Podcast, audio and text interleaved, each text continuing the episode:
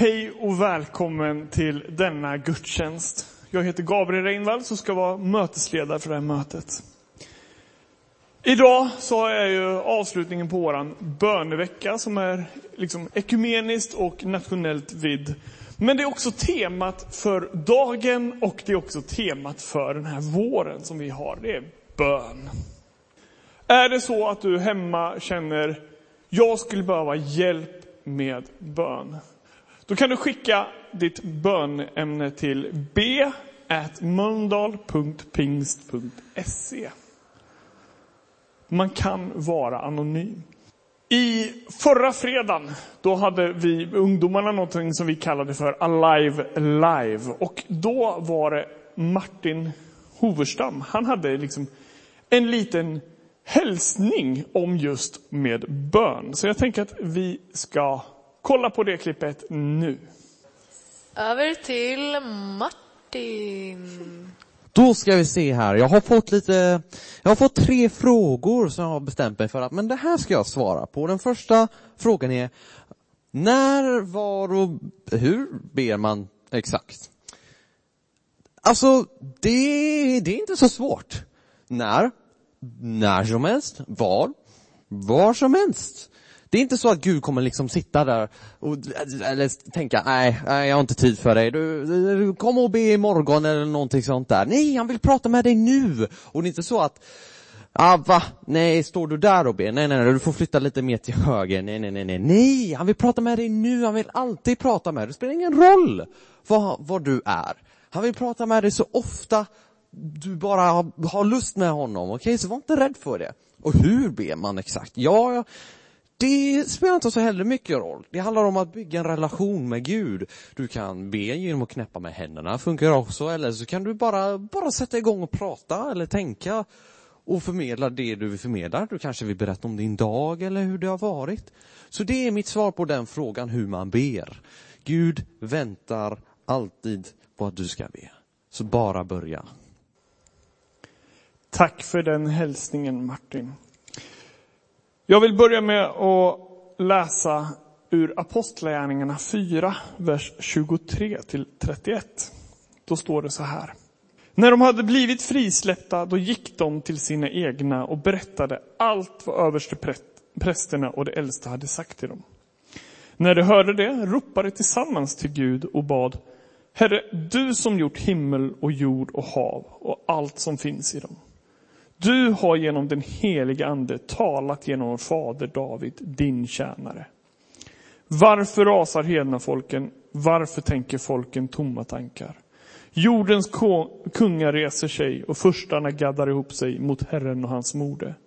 Ja, det gaddar verkligen ihop sig i denna stad mot din heliga tjänare och Jesus som du har smort.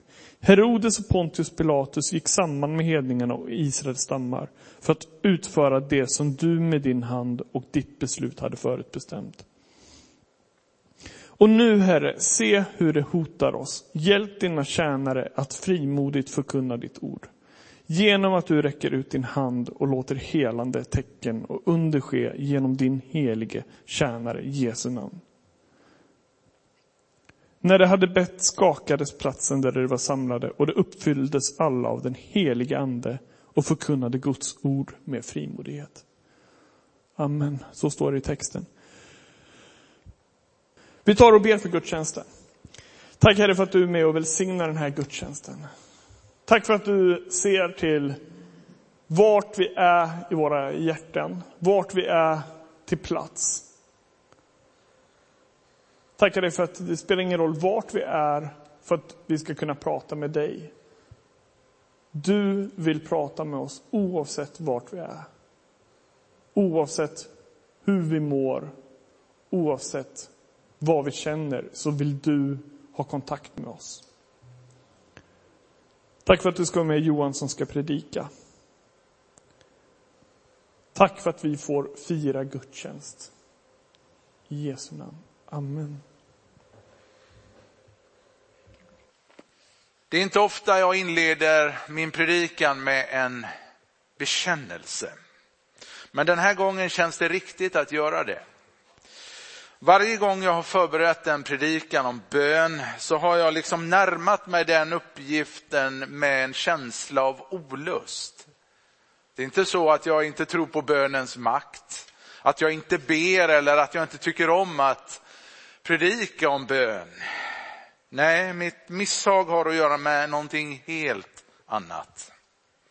Även om jag har varit kristen i över 30 år så brottas jag fortfarande med att få liksom till mitt böneliv.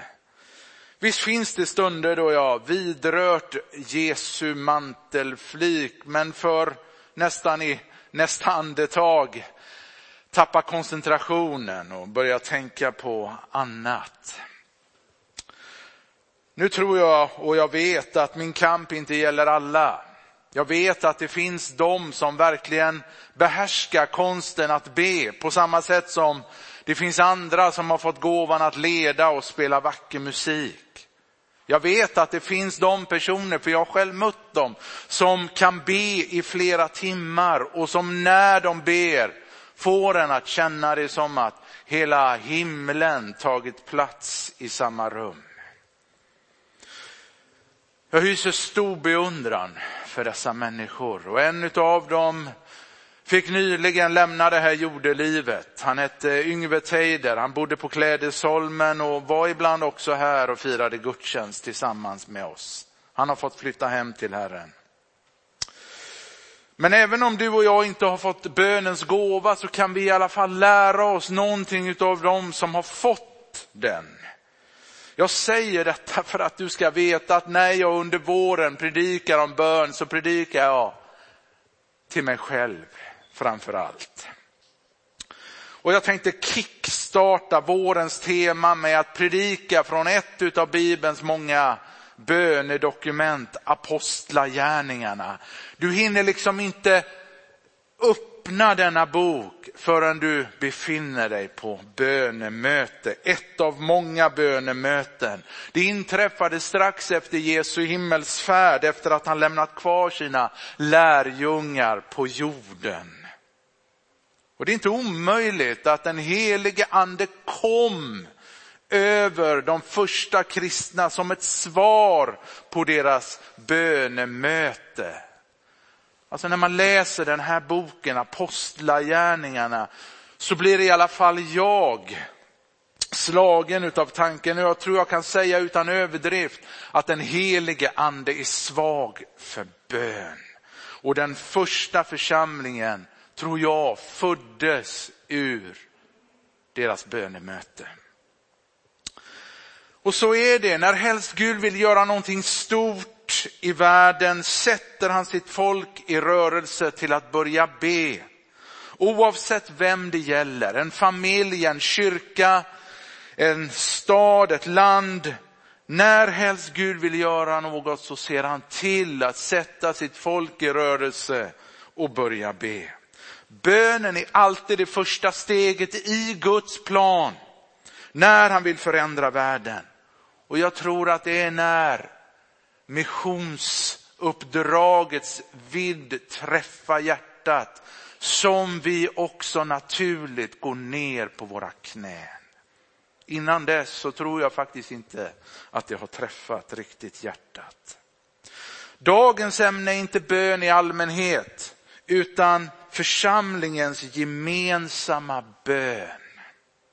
Det handlar om vad som händer när kristna kommer tillsammans för att tillsammans söka Guds ansikte.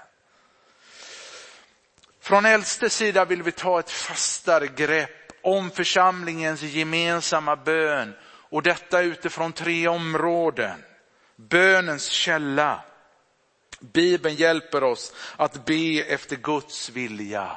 Bönens språk. Vi tillber Gud och bygger därigenom upp varann. Och bönens gemenskap. Vi ber i enhet och i överenskommelse. Någon har sagt att när församlingen är på knä, då står himlen i vakt. Dit vill vi. Jag har valt en bibeltext och du hörde Gabriel läsa den alldeles nyligen som jag uppfattar rymmer de här tre områdena. En text som ger oss en inblick i de första kristnas böneliv. Och när vi kommer in i berättelsen så har apostlarna haft sin första konfrontation med judarnas råd efter att ha botat en laman i Jesu namn. Man tänker att man kan bli ställd inför rätta av mer allvarliga saker, men just i deras fall så ställdes man inför judarnas råd för att ha botat en laman. Lite komiskt. Den tidigare lame mannen blev inte bara botad, utan vi läser att han gick omkring, hoppade hoppade och prisade Gud. När folket såg mannen hoppa, gå och prisa Gud så samlades de runt Petrus och Johannes som tog liksom tillfället i akt att predika Jesus för dem. Och när rådet fick höra talas om detta blev man rasande och man grep apostlarna och dagen därpå förbjöd man dem att tala mer i Jesu namn. När apostlarna släpptes så läser vi att de gick tillbaka till de andra lärjungarna och berättade för dem om allt som hade hänt. Får jag ställa en fråga? Vad hade du gjort om högsta domstolen belagt dig med förbud att tala i Jesu namn? Vad hade du gjort om man på din arbetsplats förbjudit dig att vittna om din tro för dina arbetskamrater? Vad hade du gjort om han hade förbjudit dig att bära ett kors runt halsen? De första kristna konfronterades med exakt samma fråga. Vad gör vi när en kristendomsfientlig värld försöker att tysta oss? Och bibeltexten vi har framför oss avslöjar hur de agerar eller reagerade. Trots hårt motstånd så valde dessa unga i tron att komma samman och knäppa sina händer. Kan du förstå vilket farligt vapen det är att knäppa sina händer? De bad, eller mer exakt, de kom samman som församling för ännu ett bönemöte. Och var och en kom eftersom man hade överlåtit sig till varann och stod i ständig beredskap. Böneberedskap. Församlingen stod inför en ny utmaning och man kom samman för att be Gud om hjälp att ta itu med den.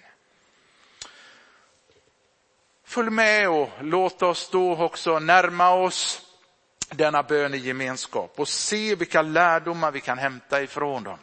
Det första jag ser är att de bad tillsammans, de bad i enhet, för vi läste, när de hörde det ropade de tillsammans till Gud och bad. Vi läser i Bibeln att det finns stor kraft med en människas bön. Jakob skriver om detta i Jakobs bok. Men Bibeln säger också att det är något visst när hela församlingen kommer tillsammans. Det finns något starkt i gemensam bön. Någon har sagt, det är sådan bön som kan få en plats att skaka när allt Guds folk kommer samman med hängivna hjärtan inför Gud. När våra individuella intressen läggs åt sidan och våra hjärtan förenar sig, då kan Gud manifestera sin närvaro och människor vet att Gud har intagit scenen. Om du visste vilken stor kraft det finns i överenskommelsebön, alltså när alla församlade kommer överens om att be för samma sak. I min förra bönegrupp så kom vi överens om att be om att två stycken människor skulle komma till tro. Och du anar att ganska snart så fick vi bönesvar. Det dröjde inte länge innan vi fick se två stycken komma till tro. Det finns stor kraft i överenskommelsebön, alltså när hela församlingen kommer överens om att be om någonting tillsammans. Alla var delaktiga i bönen. Alltså det var inte bara apostlarna som bad, utan hela församlingen bad. Män och kvinnor, unga och gamla, enkla och olärda. Men de var så uppfyllda av den helige ande att det fanns en sån tyngd i deras bön. Och man kan ju undra hur det lät. Kanske var det någon som ledde i bön, alltså den bön som vi har nedskriven i texten medan de andra bad med. Jag tror i alla fall inte det var oordning, för Gud är ordningens Gud. De brukade Bibeln, inte missbrukade den. Du vet att huvuddelen i den här bönen som vi nyligen läste, det är ett citat ifrån psalm 2 som skildrar världens uppror mot Gud och hans seger. Men denna psalm, med denna psalm bekräftade man det som Gud också visste, att människor avskytt honom i alla tider och att hans folk haft det besvärligt förut. Oroligheterna i Jerusalem var med andra ord ingenting nytt under solen. Guds folk hade haft det svårt förut. Och i ljuset av skriften, Guds levande ord, så bad man. Herre, du har genom den helige ande talat genom vår fader David, din tjänare. Varför rasar hedna folken? Varför tänker folken tomma tankar? Jordens kungar reser sig och förstarna gaddar ihop sig mot Herren och hans moder. Ja, de gaddade verkligen ihop sig i denna stad mot din heligare tjänare Jesus som du har smort. Herodes och Pontius Pilatus gick samman med hedningarna och Israels stammar för att utföra det som du med din hand och ditt beslut hade förutbestämt. Om du har läst evangelierna så vet du vilket hårt motstånd Jesus möttes av när han vandrade på jorden. Och det var också någonting som lärjungarna kunde intyga.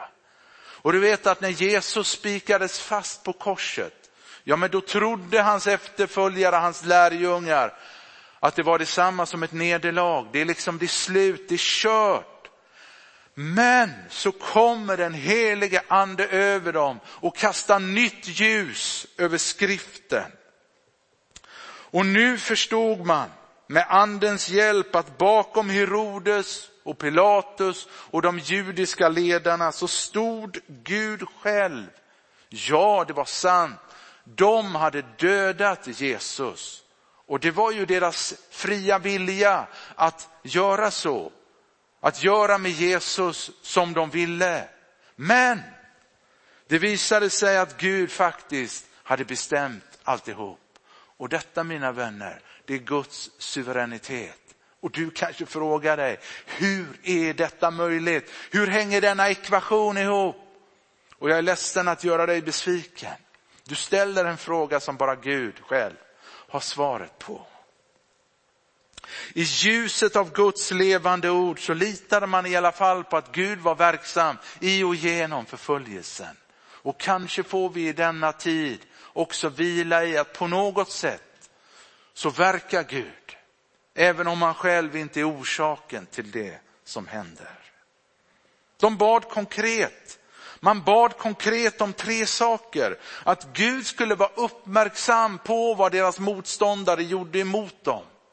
Man bad att Gud skulle hjälpa dem att frimodigt predika evangeliet. Man bad att Gud skulle göra fler tecken, alltså sådana som hade fått människor att samlas runt omkring dem. Har du bett konkret och fått svar därefter? Tänk, jag är så nyfiken. Kan du inte i sådana fall skicka in ett 15 sekunders filmklipp där, klipp, där du berättar om vad Jesus gjorde som svar på dina böner. Du hittar kontaktuppgifter till mig på vår hemsida. De bad i förtröstan på Guds makt. Du vet att i stora drag så skildrar psalm 2 förtröstan på Gud och hans seger. Liksom kung David så tillbad lärjungarna Gud som Herren Det är ett väldigt unikt ord i sammanhanget. Dispotes, alltså envåldshärskaren.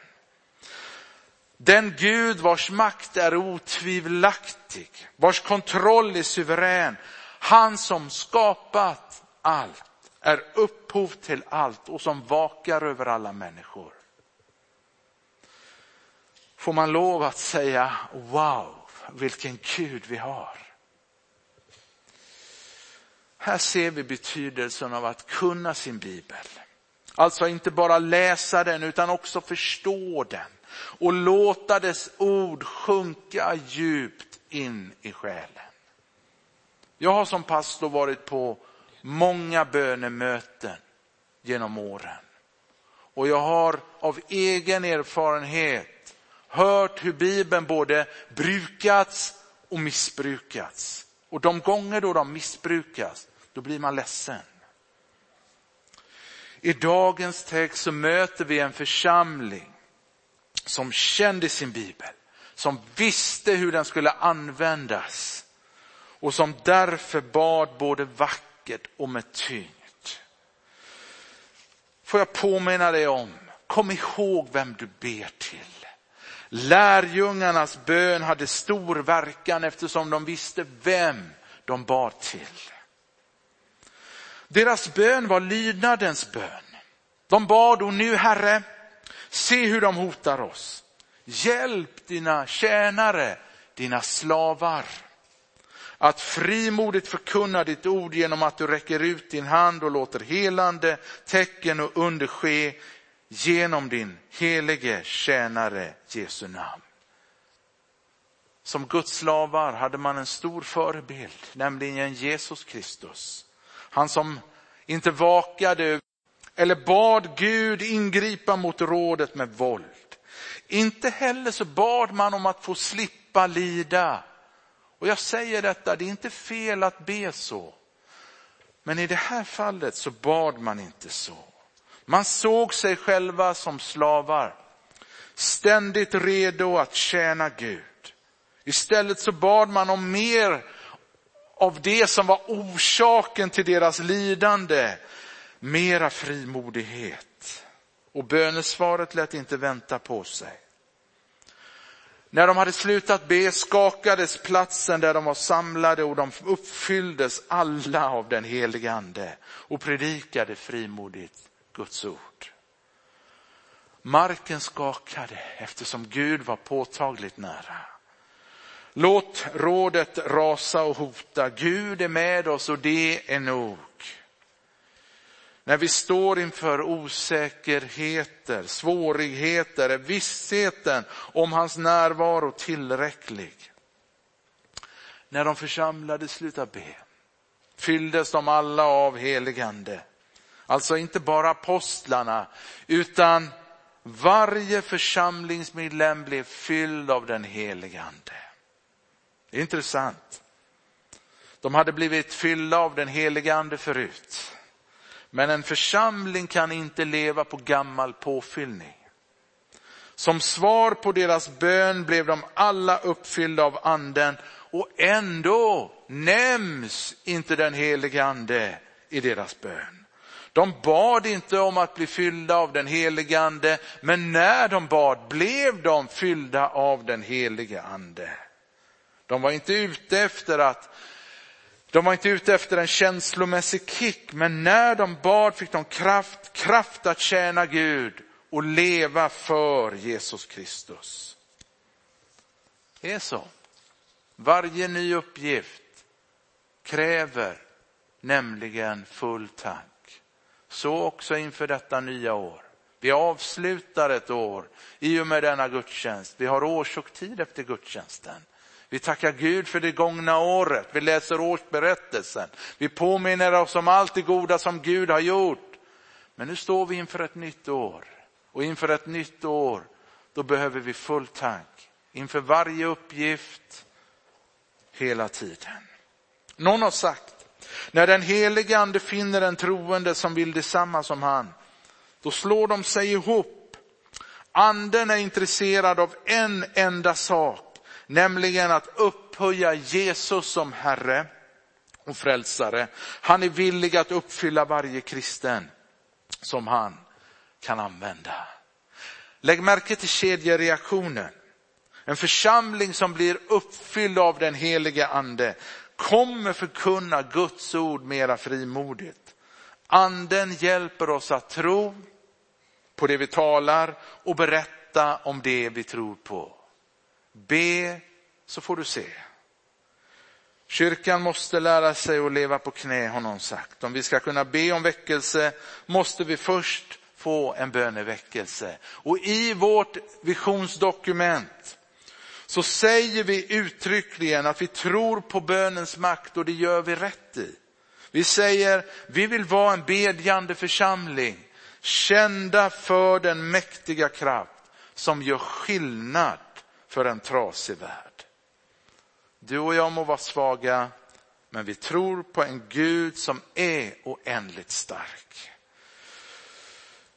Tyvärr lär det dröja innan vi kan komma samman för gemensam bön igen. Jag vågar inte utlova någonting, men jag kan utlova att vi kommer snart att komma igång igen med våra digitala bönesamlingar. Och då kan du vara med varannan onsdag. Vill du ha hjälp i bön men något? Gabriel har nämnt detta, att du kan skicka dina bönämnen till bsnabelammondal.pings.se. Och skickar du dem dit så kan du vara anonym. Är det så att du faktiskt aldrig har bett till Gud någon gång? Jag vet inte. Men kanske tittar du som inte brukar be till Gud. Du kan knäppa dina händer idag. Du kan be till den Gud som man bad till då som vi ber till nu. Är det så att du vill säga ja till Jesus? Du får gärna göra detta, denna önskan känd för mig. Du hittar kontaktuppgifter på hemsidan. Så är jag gärna den som är med och ber för dig. Låt oss be.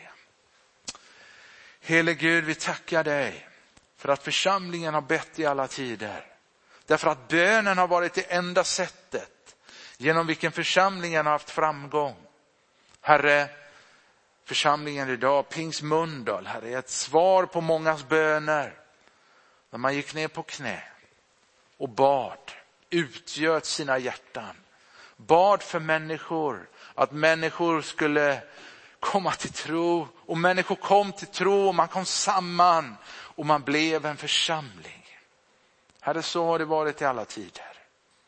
Det mäktigaste av alla vapen, det är inte sådant som man läser om i tidningarna, sådant som man ser på nyheterna, sådant som man hör att länder emellan, stormakter emellan slåss om. Nej, det mäktigaste av alla vapen. Herre, det är inte det som försiggår i Vita huset, i Kreml eller i vår egen riksdag. Rosenbad. Nej, mäktigast av alla vapen. Herre, det är bönen. Herre, det är, vi, det är det vi ägnar oss åt här och nu. Det är det som vi som församling fått i uppgift att göra, att be. Så vi tackar dig Gud. Tack gode Gud för att du inte har tagit ifrån oss denna arsenal. Herre, att du inte tagit ifrån oss lufterna om att när vi ber, kommer samman och ber, så svarar du Herre. Så vi ber om hjälp denna vår att komma samman och be som en kropp, Herre. Tillsammans, som en mun, Herre. Be. Vi tackar dig Gud. Välsigna, Herre, allt som ligger framför.